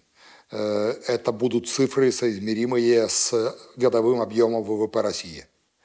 Э, у России нет этих денег. Она должна будет несколько поколений работать на то, чтобы искупить свою вину перед Украиной. Соответственно, если Россия откажется выплачивать репарации, э, никто не снимет санкции. Россия останется в блокаде, никакого развития экономики не будет, деградация технологий продолжится. И ну вот давайте возьмем любой регион России, начиная там с Осетии, которая сейчас уже пытается отделяться, с какой-нибудь там Якутии, Чукотки и кого угодно. Люди обладают огромным количеством полезных ископаемых, имеют трудолюбивый, миролюбивый народ. И они смотрят, мы находимся под санкциями, мы находимся под прессингом, мы не можем нормально жить, работать, развиваться, наши дети не могут поехать учиться в университет за границу, мы не можем поехать отдыхать или путешествовать за границу. Только потому, что где-то там в Москве кому-то захотелось повоевать. Ребята, вы там в Москве обкрадываете нас уже более ста лет. А пошли бы вы к терапевту? Может, мы лучше отсоединимся и будем своей маленькой условной Якутией спокойно жить, дружить со всеми, торговать со всеми, путешествовать по всему миру, обучать своих детей в университетах Лиги Плюща в Америке. Зачем нам эти проблемы? Я уверен, что вот так вот оно все и произойдет. Але праблема ў тым, што нафтавых грошай хапае на тое, каб весці вайну. Ну можна ж увесь час яе весці, можна і не сканчваць ніколі ў прынцыпе. Да нет, мы видим серьезное уменьшение потоков денег от продажи нефти и газа у России. Кратное уменьшение. Э, ну, конечно же, нет. Даже близко нет того, что было два года назад. Тех доходов, которые были э, у России от нефти и газа. Они потеряли самый богатый платежеспособный рынок европейский. Они с огромными скидками продают свою нефть там Индии и потом набирают эти мешки рупий, которые не могут даже забрать из Индии и не могут придумать, что с ними делать. Ну, совершенно другая работа, совершенно другая жизнь. Да, Россия огромна. Да, это очень инертный маховик, который быстро не остановится, он будет еще крутиться и крутиться, но он крутится по затухающей. Што будзе калі лукашенко помре, а Россия нападзе на Беларусь ну к сожалению россии нет смысла нападать на беларусь сейчас она и так может ее в любой момент забрать военные российские находятся в Беларуси. Они могут, не спрашивая ни у кого, увеличить количество этих военных, сделать все, что угодно, э, ну, называя вещи своими именами. Э, администрация Лукашенко – это просто оккупационная администрация, представляющая интересы Российской Федерации. Да, они о себе не забывают, да, они хотят по максимуму сохранить за собой власть и полномочия, но поводочек у них очень коротенький. Як вы думаеце, у беларускіх генералаў увогуле ёсць нейкі план на выпадак войны з Россией альбо з іншымі краінамі? Ну, первое. Не нужно всех белорусских генералов грести под одну гребенку. Они разные. Второе. По ныне существующей военной доктрине, а это основополагающий документ для планирования э, отражения агрессии, каких-либо действий, э, врагом Беларуси является НАТО, а не Россия. Э, да, любому мыслящему человеку, и в том числе мыслящему генералу, э, понятно, что это смешно ожидать агрессии с Запада. Но он э, чиновник, который обязан исполнять предписания, которые до него доведены старшим начальством. А по этим предписаниям он должен дружить с Россией и воевать против НАТО. Як вы думаете, як бы мог выглядаць гэты канфлікт з НАТО? Як хутка бы вырашылася беларускае пытанне у гэтым выпадку ну, огромное количество военных экспертов прогнозировали, как будет выглядеть конфликт России с Украиной, и ошиблись. Э, никто не знает потенциала белорусского народа. Э, никто не знает, что произойдет на самом деле, если по-серьезному кто-то затронет белорусский народ. И если возникнет э, триггер, который позволит нации сплотиться, объединиться и подняться. Я не допускаю мысли, что Беларусь будет воевать против НАТО. Я не вижу этот сценарий реальным. Прежде всего потому, что НАТО этого не допустит. Но я вполне допускаю, что при серьезной угрозе, какой бы то ни было для Беларуси, белорусы станут совсем другими, и мир увидит их качества, которых еще не видел. Блиц. Совет Беспеки, ТСПИС Форбс. Чтоб вы выбрали. Совет Беспеки. Девятая рота ці уратаваць шарагоўца раяна рядового раяна Ізраіль ці свабодная палістына Ізраіль вы б хацелі старасць правесці на радзіме ў драгічынскім раёне ці дзесьці ля мора у Тоскане? Скорее возле моря, и скорее всего я бы занимался чем-то похожим на работу экскурсовода, либо инструктора э, в каком-то клубе, обучал бы детей. Ну, вот что-то такое мне бы пожалуй, очень понравилось. Клаузевиц ці Свечин? Э, Все-таки Клаузевиц. Чему? А, я много для себя подчеркнул из его книг. Я считаю его выдающимся э, человеком, э, классиком с нереально системным мышлением, способным видеть далеко за горизонт, предвидеть будущее. Ну, мне кажется, что он. Быков ці Ремарк? Быков. На поляванне ці на рыбу? Нет, с детьми, с семьей, здоровый образ жизни. Футбол ці хоккей? Э, бег, э, плавание. Колькі вы можете пробегчы? Сколько нужно, столько пробегу. Я честно говорю, у меня за крайние полгода ушло более 10 килограмм веса, ну, за время, когда я активно там присутствовал в Украине. И сейчас я вообще могу бегать, если раньше там я немножко уставал, то сейчас я не устаю и как в молодости могу бежать сколько нужно. А оттиснуться от подлоги? Колькі разоў? Аналогично, сколько нужно. А який був ваш рекорд за увогуле весь час? Ну, я был чемпионом э, Военной Академии Республики Беларусь. Из 14 тысяч персонала переменного и постоянного у меня было первое место. Если я не ошибаюсь, это было за 2 минуты 147 раз. э, Или 148. Э, Ну, вообще, я мог бы дальше отжиматься. Ну, это вопрос только силы воли и настроя. Байден чи Трамп? За кого б голосувати? Ну, конечно же, Байден. Любимое место в Бресте? Брестская крепость. Ваша коронная страва? Э, Любая, приготовленная э, членами моей семьи. Ваше любимое драгичинское слово? Мама так хотела, чтобы я не разговаривал на местном диалекте и выпроваживала меня в Москву, чтобы я научился хорошему русскому языку. Вы пытаетесь меня повернуть обратно. В Драгичине разговаривают на смеси украинского, белорусского, польского и русского языка. Э, Очень много слов из разных этих языков выдерганных. Наверное, одно отдельное слово ничего не скажет, потому что будет принадлежать одному из этих языков. Это нужно говорить фразами. Я немножко отвык от этого Э, Мы общались когда с Залужным, Э, он служил на Волыни. Он э, командовал бригадой на Волыни, и он тоже очень хорошо знает диалекты эти волынские. Он начал со мной разговаривать, я к своему с- стыду не смог поддержать разговор в таком ключе. Э, Я подзабыл немножко это. Ну, все понял. Чому Лукашенко не довіряє військовцям? А Лукашенко никому не доверяет. Он своего сына старшего отлучил от власти и убрал от себя подальше. Кому он доверяет? Думаете, он доверяет Качановой? Конечно, нет. Да, он готов сделать какой-то финт ушами, рокировку, уйти самому на там, это, какое-то там собрание всебелорусское, а ей якобы оставить пост э, президента, но он урежет ее полномочия полностью, сделает ее чисто декоративным должностным лицом, а властью заберет себе, потому что он не доверяет никому. Чому бюджет на оборону нашмат менше, ніж на інші силові структури, як УБАЗік, ці можна без конца перелічувати? Потому что до 2020 года никогда э, вооруженные силы Беларуси не применялись для реагирования на конфликты внутри страны. Для этого существует КГБ, для этого существует МВД. Поскольку Лукашенко, будучи не глупым человеком, прекрасно понимает, что никто извне ему на самом деле не угрожает, а угроза для него это только собственный народ и ничего больше, поэтому, конечно же, он ничего не жалел для КГБ и МВД. А армия была, э, финансировалась по остаточному принципу, ну, чё, что она есть, что ее нету, все равно никто на нас не нападет. Были отдельные подразделения, даже в составе вооруженных сил, такие как отдельные офицерские отряды специального назначения, которые уже даже задолго до 2020 года э, предусматривались для решения проблем внутри страны. И э, даже в контрактах у офицеров это было прописано, э, решение каких-то там контртеррористических задач внутри страны. И за это офицеры получали полуторный оклад.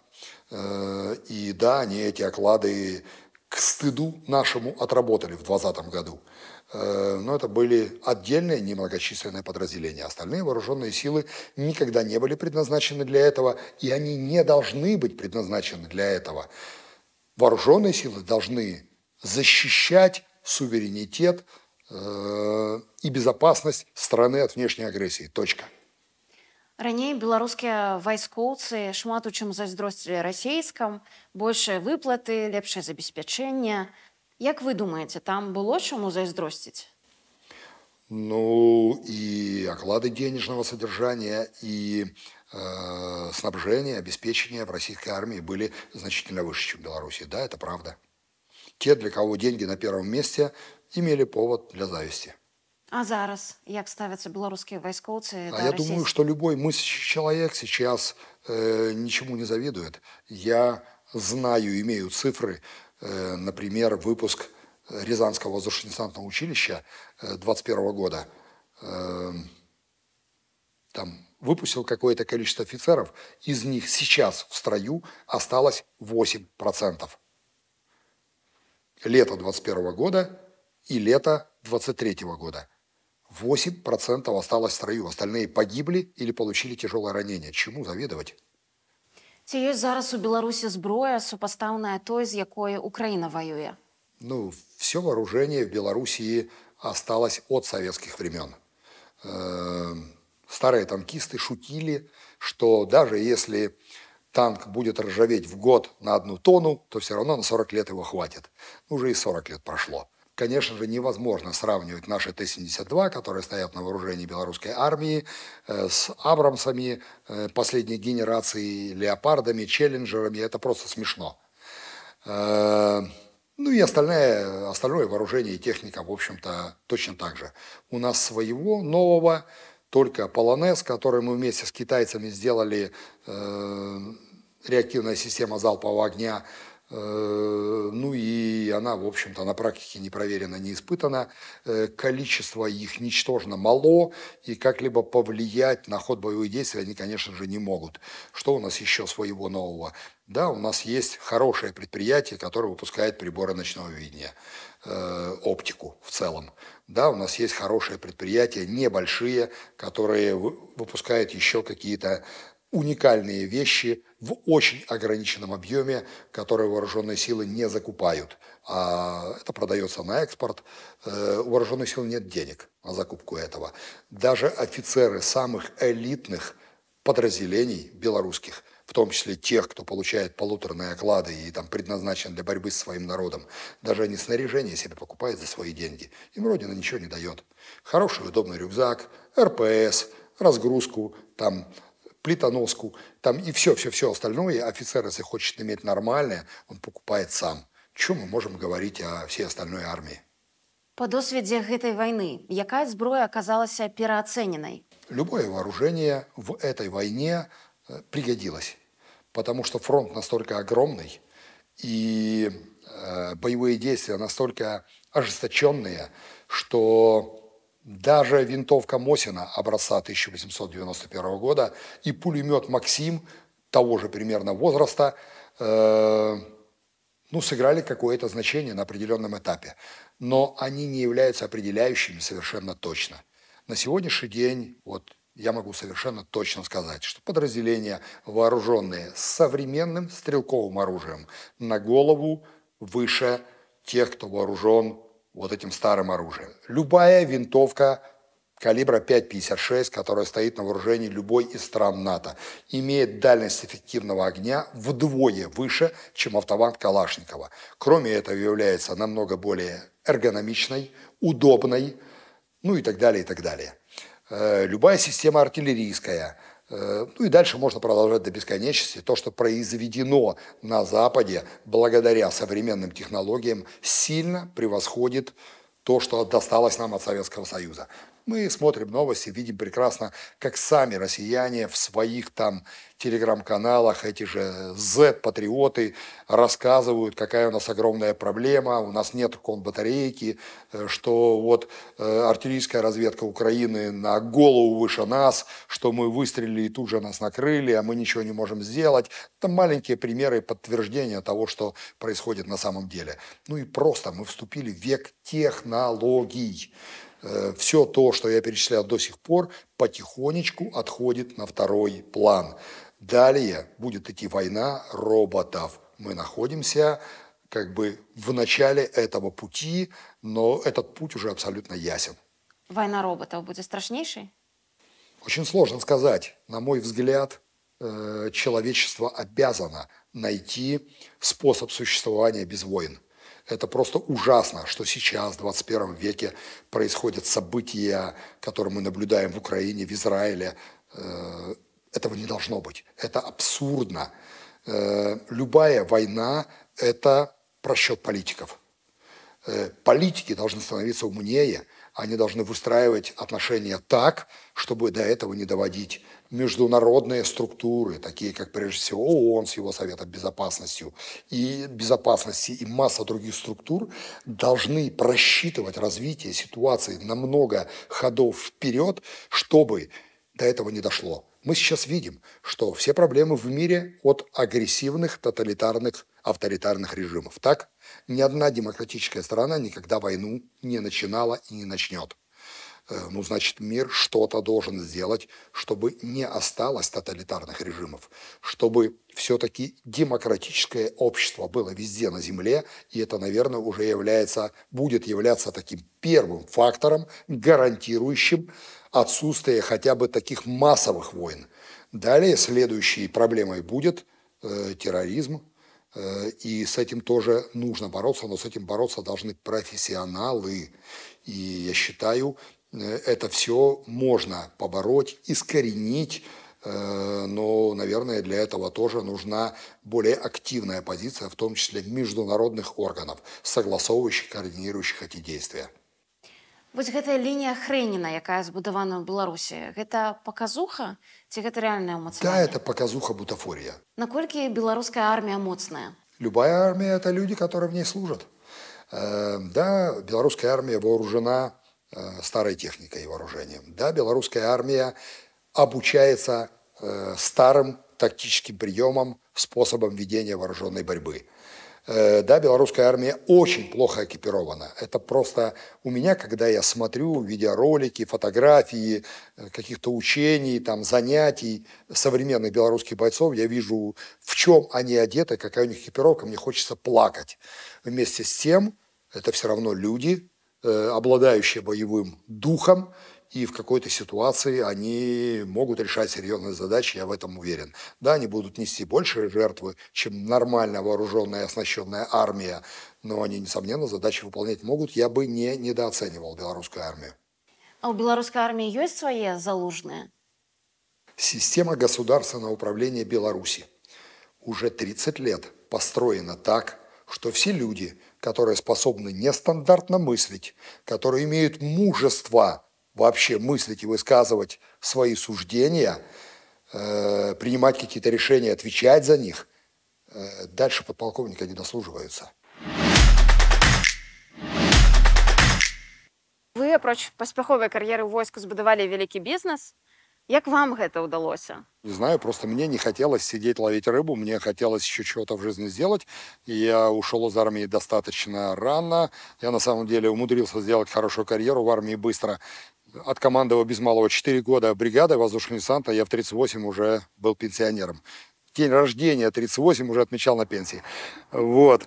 Э, Ну да, мне хотелось чего-то большего, поэтому я начал учиться. Я получил еще одно высшее образование экономического профиля на гражданке. Несколько курсов еще прошел и работал, работал и добивался чего-то. Думаць як бізнесовец. Гэта як? Э, Ну, прежде всего, это, наверное, целеполагание. Я не хочу заниматься ничем, в чем я не вижу смысла цели. Э, Ну и далее э, я всегда э, пытаюсь четко спланировать. Чтобы добиться цели, мне нужно это, это, это, мне нужны такие-то ресурсы, э, мне нужно столько времени, там такие силы, средства. Э, Ну, на самом деле это все переплетается с тем, чему нас учили в армии. Может быть, у меня в бизнесе получилось, потому что я хорошо учился в армии. Як трэба ставіцца да грошай, каб іх станавілася больш? Они должны быть безразличны человеку. Вот от слова совсем. То бок вам абыякавыя грошы. Да, совершенно. А навошта вы пайшлі ў бізнес? А мне интересно строить, мне интересно создавать большую компанию, мне интересно предоставлять людям классные условия работы, э, создавать классный коллектив. Ну, это тот процесс, который доставляет радость. Я все свои базовые потребности, свои и своей семьи решил, э, и дальше буду я есть э, на завтрак там одно яйцо или два яйца, это мало влияет на мою жизнь, и в деньгах это очень мало отличается. Ну, все равно 10 яиц я не съем. Але з прыходам вялікіх грошай звычкі вашы змяніліся? Очень мало. Все, что я зарабатываю в своей строительной компании, я вкладываю в развитие. Мне интересно развивать бизнес. Э, Но мы, мы позволяем себе ну, то, что необходимо человеку, то, что мы хотим, ну, это не такие большие потребности и меня и моей семьи. Все остальное мне интересно вкладывать в развитие. Куды вы ездзіце адпачываць? Калі ўдаецца? Мне очень стыдно, но я три года не был в отпуске. Я мечтаю в обозримом будущем это сделать. Я, мне очень стыдно перед своей семьей.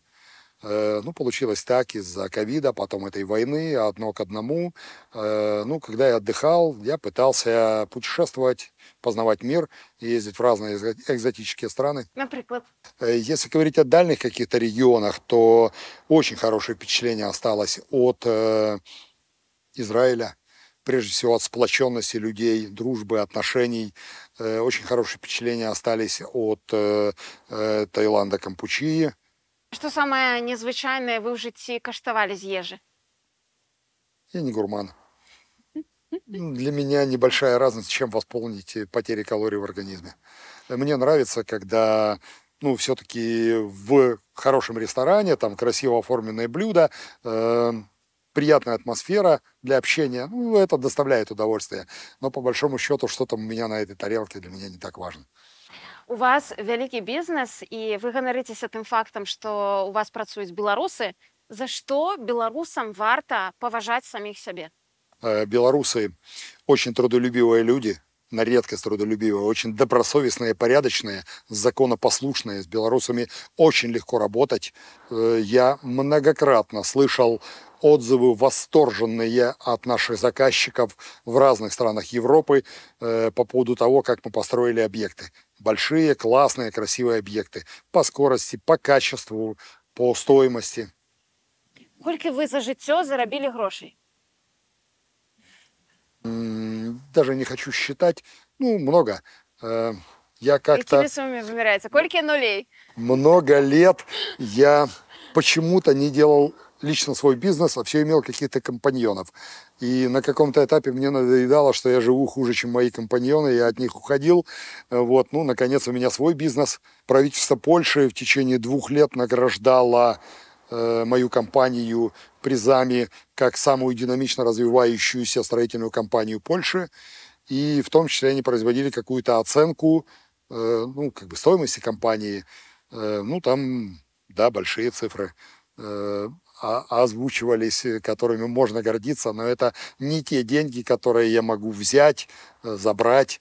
Это те деньги, которые работают в компании, э, в том числе это стоимость специалистов компании, которая тоже оценивается по каким-то методикам. Ну да, нам есть чем гордиться, мы добились серьезного уровня в Европе. Якія вы зараз бачыце мінусы ў структуры Мінабароны у Беларусі? Это типичная организация э, мирного времени. Они не способны даже просто написать сценарий реальных угроз, э, которые могут возникнуть для Беларуси, не говоря уже о том, чтобы спланировать действия против этих угроз. Точка. Якія ёсць паталогіі ў беларускай арміі?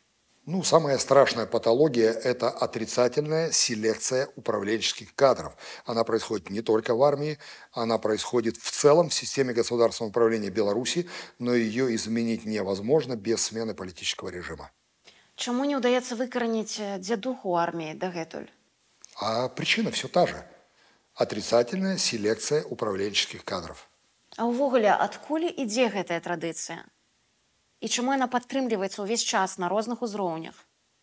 Ну, давайте скажем честно, что эти явления существуют не только в армии, они существуют в детских садиках, в школах, э, в, в любых коллективах, э, где есть много людей, особенно в мужских коллективах, всегда люди, которые сильнее, э, стремятся занять какое-то лидирующее положение, и для того, чтобы его занять, они иногда используют э, вот такие жестокие меры подавления остальных членов коллектива. Ну, у меня пятеро детей, младшая дочка еще с этим не столкнулась, ей всего пять лет будет в ноябре, все остальные с этим столкнулись, э, ну, как минимум в школах. У меня есть возможность сравнивать, мои дети учились в школах разных стран. Белоруссии, в Объединенных Арабских Эмиратах, в Польше. Сейчас дочка учится в Парижском университете, у нее первый курс был в Париже, второй э, в Италии, третий в Великобритании. Э, и я имею массу информации, как это в разных странах поставлено. Вот то, что мы говорили, вот эта агрессия, которая есть уже среди детей, это навязывается взрослыми. Этими сумасшедшими учительками, которые получают 3 копейки, на которые не могут нормально жить, не могут позволить себе купить нормальные туфли и нормальное платье, на которых орет муж дома и бьет ее муж дома, который живет в хрущевке там ужасно и не может позволить даже в Египет слетать отдохнуть, которую прессуют, заставляют фальсифицировать выборы, ходить по домам э, своих детей и рассказывать ересь какую-то, в которую она, естественно, сама не верит, но она обязана рассказывать это детям и их родителям, и она становится истеричкой. Она орет на своих детей родных, она орет на детей, которых учат в школе, и от этого все идет. Мы должны это поменять в первую очередь. Мои дети приходят, вот мы приехали в Польшу из Беларуси, дети говорят, здесь все по-другому. Я говорю, а что по-другому? Они говорят, здесь все спокойные и добрые. Все спокойные и добрые. Почему так? И вот все искоренять нужно, начиная отсюда. Э, здесь нет способа решения конфликтной ситуации дракой. Можно смеяться над поляками, говорить, вы не способны даже выйти там раз на раз по-мужски поговорить. Способны. Э, среди поляков э, спорт развит на порядок больше, чем среди белорусов. Здесь почти все юноши занимаются, ходят в какие-то бойцовские клубы, занимаются единоборствами, они способны выйти, но у них нет такой культуры выяснять отношения дракой. Они как-то их учат с самого детства находить общий язык словами, и это классно. Э, искоренять все это нужно вот начиная отсюда. И тогда и в армии этого не будет. В армии должны служить нормальные командиры, которые мечтали быть офицером, которые служат не за эту зарплату, немножко большую, чем можно заработать на гражданке, и возможность за 30 лет себе квартиру получить, а люди талантливые, которые воины по духу, по натуре, которые это сделали делом всей жизни, которые любят своих бойцов, которые является отцом для этого бойца, он никогда не допустит, чтобы у него в подразделении кто-то над кем-то издевался. Он никогда не допустит, чтобы у него в роте стоял солдатик с перепуганными глазами и отводил взгляд, когда ты пытаешься с ним разговаривать, и какой-то синячок у него был. Он увидит это сразу – и разберется, в чем проблема, и сделать так, чтобы этого не было. Но для этого армия не должна быть такой большой. Она должна быть чисто профессиональной, и все в ней должно быть по-другому. У нас в Беларуси, к сожалению, армия – типичная армия мирного времени, предназначенная для показух, для парадов, ну и для чего-то еще вот такого. Но не для того, чтобы являться действительно мощным боевым потенциалом и обеспечить безопасность Родины. А як вы ставіцеся да падрыхтоўкі ў арміі Таму што людзі которые туды трапляюць маладыя хлопцы расказваюць што там асабліва вайсковай справе не вучаць а збольшага там подлогу подметать дысциплину трымаць я болен армией я уволился из армии 20 лет назад но она мне до сих пор снится я побывал во многих странах везде я интересовался как происходит это в этих странах. Я жил в очень благополучных, успешных странах. И мне очень интересно было, как это поставлено там. И из всех стран я бы, наверное, за образец взял Германию, где есть смешанный принцип комплектования армии. Людей призывают, то есть есть всеобщая воинская обязанность, но призывают на короткий срок человека. Далее, если ему не нравится, он прошел этот срок, очень эффективный, 4 месяца. С ним отзанимались он за эти четыре месяца узнал все, что необходимо знать бойцу на войне. Э, и он по итогу 4 месяцев сдает экзамен на звание боец-одиночка. Я присутствовал на этих экзаменах, которые проводились в 31-й воздушно-десантной бригаде Бундесвера. Я в восторге от уровня подготовленности парня, который отслужил всего 4 месяца. Не каждый майор в белорусской армии сможет сдать эти испытания. Вот. И после этого у человека есть выбор. Либо он подписывает контракт и идет служить в боевое подразделение уже как контрактник, и в боевых подразделениях только по контракту служат. Вот эти парни, которые на срочку призваны, они служат в отдельном учебном подразделении. Либо он, просто исполнив долг перед Родиной, идет обратно на гражданку, понимая, что если Родина будет в опасности, он придет и уже знает и умеет э, все необходимое, обладает базовыми навыками, чтобы защищать Родину. А женщины повинны служить у армии, как у Израиля? Э, ну, Израиль находится в особой ситуации, он окружен врагами со всех сторон. Это небольшая, малочисленная нация, которая живет в очень жестких условиях. Мне кажется, что э, в Беларуси нет необходимости делать, чтобы служили женщины. Это может быть только по желанию. Э, ну, бывают женщины, которые хотели бы сделать это делом всей своей жизни, и тогда им должна быть предоставлена возможность какой-то диапазон должности занимать и и заниматься этой работой. Кто самый великий хапуга у белорусской армии? Кто краде найбольш? Э, мне кажется, что Лукашенко много воровать не дает никому. Э, каждому по его чину э, разрешается до определенных пределов, но строго по чину. Если человек пытается украсть больше, он тут же оказывается в тюрьме, и там через 4 года его направляют председателем колхоза куда-то. Ну, воровать необходимо в Беларуси. Если ты не воруешь, то ты опасен, потому что тобой сложно управлять и манипулировать. Легко управлять человеком, на которого лежит папочка в сейфе, правильно? Он там не хочет провести выборы так, как надо, у себя, например.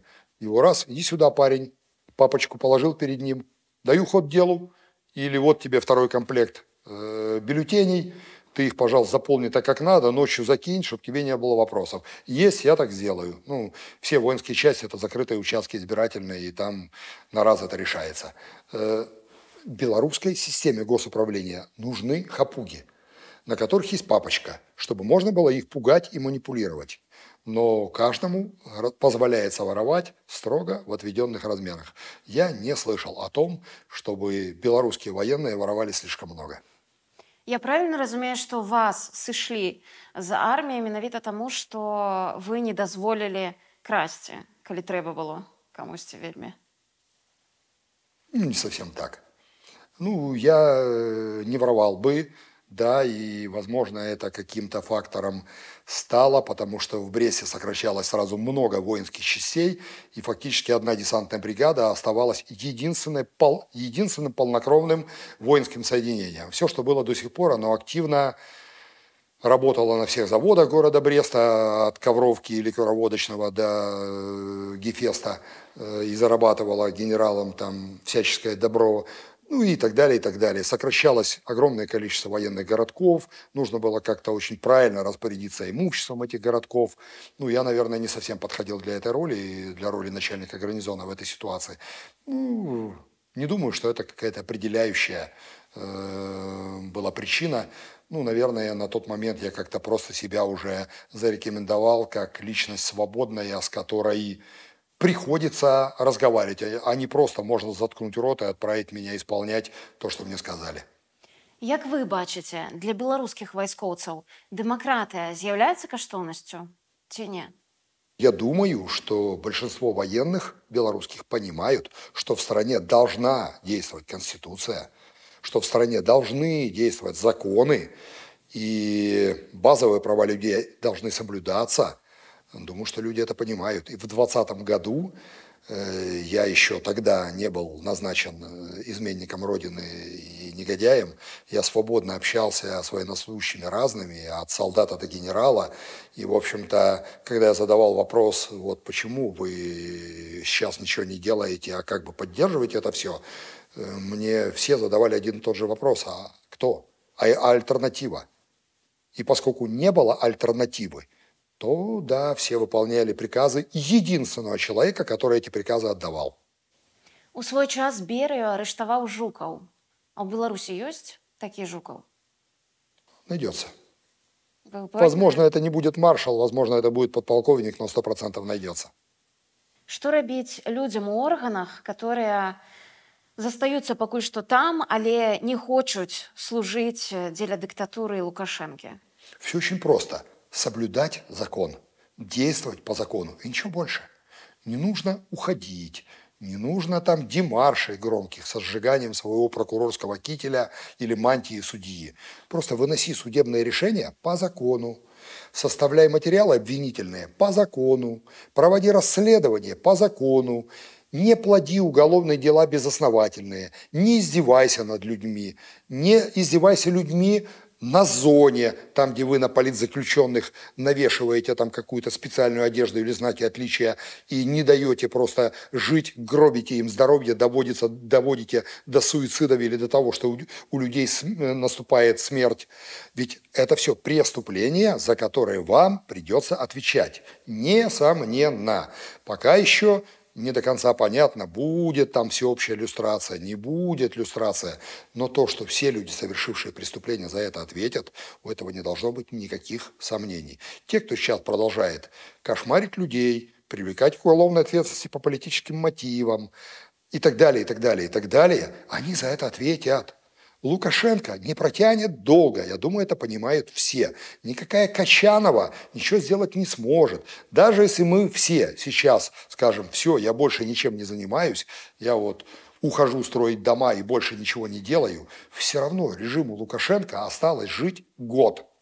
Плюс-минус там какое-то количество месяцев. Он умрет сам, потому что это уже не жизнеспособное какое-то явление – архаичное и устаревшее, не соответствующее абсолютно реалиям сегодняшнего дня. Экономика, которая держится на российских подачках, э, полностью подавленные э, гражданские свободы, ну и так далее, и так далее, и так далее. Это не нравится никому. Дальше прогнозы, оценки, планы, как по-другому, расходятся. Но значительно более 90% населения Беларуси понимают, что то, что есть, это ненормально, должно быть по-другому. Что не так з днём перамогі ў Беларусі? З тым святкаваннем, якое ёсць звычайна 9 мая. Я тут пра вось гэты ура патрыятызм, пра вось гэтую святочную радасную атмасферу. Да я вообще не против Дня Победы на самом деле. Э, у меня один дед погиб, похоронен под Варшавой при освобождении Польши погиб э, в конце 44-го. Второй дед э, закончил войну в Берлине и пришел с большим иконостасом. Э, три боевых ордена у него было, не считая медалей. И он ездил на День Победы, меня маленького сажал себе на шею, он гармонистом был деревенским, брал гармошку с собой. У меня эти воспоминания детства остались, как тогда деды отмечали День Победы. Я только не видел там никаких слов, можем повторить. Я слышал только один тост, что больше никогда. Я не знаю точно, я не хочу брать на себя роль эксперта, нужен этот праздник стране или нет. Э, мне кажется, у страны сначала – должны появиться новые праздники. Белорусы достойны новых праздников, классных, замечательных. А дальше потихонечку народ сам разберется, нужно по-прежнему праздновать 9 мая или не нужно. Если праздновать, то наверняка не так, а как-то гораздо более скромно. Да, наверное, нужно отдавать дань памяти людям, которые тогда защитили страну от фашизма. Но думаю, что все это должно быть совершенно по-другому. Точно не должно быть этого шовинизма. Мы там сейчас пойдем там на Берлин, там что-то еще, что-то еще. Это просто какой-то абсурд. А як вы разумееце патрыятызм, Таму што лукашэнкаўскія і чыноўнікі, сілавікі таксама ж лічаць сябе патрыётамі. Э, преданность власти и патриотизм – это совершенно разные вещи. Мне очень нравится выражение э, Шевчука на эту тему. Э, власть – это не жопа президента. Как относятся к своей родине силовики? Э, вот в армии я уверен, что большинство на самом деле являются патриотами. Э, ну, есть какая-то часть людей, которые путают эти понятия. Э, Лизоблюдство перед властью, чинопочитание и любовь по-настоящему к своей родине. Э, я думаю, что недалек тот день, когда все это будет расставлено, расставлено по местам, и эти понятия не будут путаться. Вы уже згадали про своих дядоў. Один из них загинул партизаном, Вось зараз у Беларуси есть место для партизанщины? Очень много споров ведется, э, чего было больше пользы или вреда от партизанщины, которая у нас была в годы Великой Отечественной войны в Беларуси. И очень много публикаций на тему того, что гражданское население нашей страны партизан боялось больше, чем немцев. И я считаю, что это правда.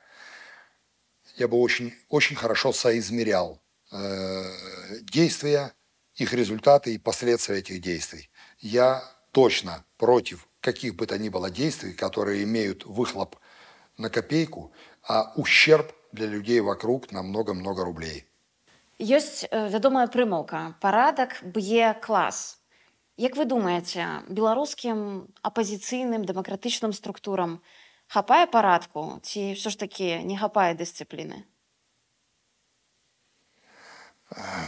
Ну, у нас детские болезни есть в демократическом движении, из которых мы никак не можем выйти. Э, конечно, не хватает. И мы выпускаем в свисток весь пар, всю энергию тратим на внутривидовую борьбу, а чем-то реальным мало кто занимается, к сожалению. Ну, нужно это констатировать. Это очень горько. У чым зараз стратегія дэмакратычных сіл беларускіх? Э, ну, стратегию, которую можно было публиковать, ее опубликовали. Э, я вижу ряд недоработок и изъянов в этом документе. Э, ну, я, наверное, не хотел бы подвергать здесь это критике. Я делаю эти вещи в закрытой аудитории, там, где считаю, что это носит конструктивный характер и принесет пользу. А агулам, калі гаварыць пра сітуацыю ў краіне і магчымыя перамены, то бок гэта чаканне акна магчымасцяў на гэты момент. Э, фактически это происходит так, потому что сейчас э, вот эти массовые репрессии, они настолько укатали в асфальт волю людей. Э, конечно сейчас люди не поднимутся, но общество белорусское – это совершенно точно сжатая пружина, сжатая по максимуму. И когда произойдет какой-то триггер, эта пружина ударит так, что вот люди, сидящие на Карла Марса 38 и в остальных там комфортных кабинетах, даже не успеют сообразить, что это было, не говоря же о том, чтобы придумать, куда бежать. Какие вы зараз ставите перед собой задачи, как политик? Вы знаете, моя самая главная задача – это найти варианты э, установления гражданского диалога между расколотыми частями белорусского общества. Я не вижу перспективы в военном решении вопроса. И я уверен, что существует способ мирного решения вопроса. Я уже прошел какую-то часть этого пути, и расстояние, которое я преодолеваю на пути к этой цели, вселяют в меня все больше и больше оптимизм. Я общаюсь с представителями элиты Беларуси, нынешней элиты разной, чиновничей, бизнес, ну и даже опосредованно имею контакты с военной элитой. Не имею возможности общаться без, непосредственно, но имею возможность контактировать другими способами. И я все больше и больше убеждаюсь, что это тот единственно правильный путь, по которому наша страна должна прийти. Заключить гражданское согласие, как это сделали поляки. Як аб'яднаць усіх беларусаў? А я считаю, что белорусы объединятся. Э, в Беларуси есть изгои, которые не представляют интересы своей страны, которые совершали преступления ужасные против своего народа. Кто-то из этих людей успеет сбежать, кто-то будет осужден. Нация очистится. Тот, кто совершил незначительные нарушения, они э, получат какие-то меры воздействия скорее всего, не связанное с уголовным преследованием. Я думаю, что эти меры сыграют воспитательное значение, и эти люди станут полноценными членами общества. Но нация, несомненно, сплотится и будет единой. У меня нет в этом никаких сомнений. Дякую вам за размову. Дякую взаимно. Сябры дзякуй што даглядзелі гэтае відэа да канца. Нам вельмі важна таксама пачуць ваши каментары на гэта інтэрв'ю. Калі ёсць чым падзяліцца ёсць думкі пішыце іх под гэтым відэа. Мы будзем чытаць і адказваць. Дзякуй што вы з намі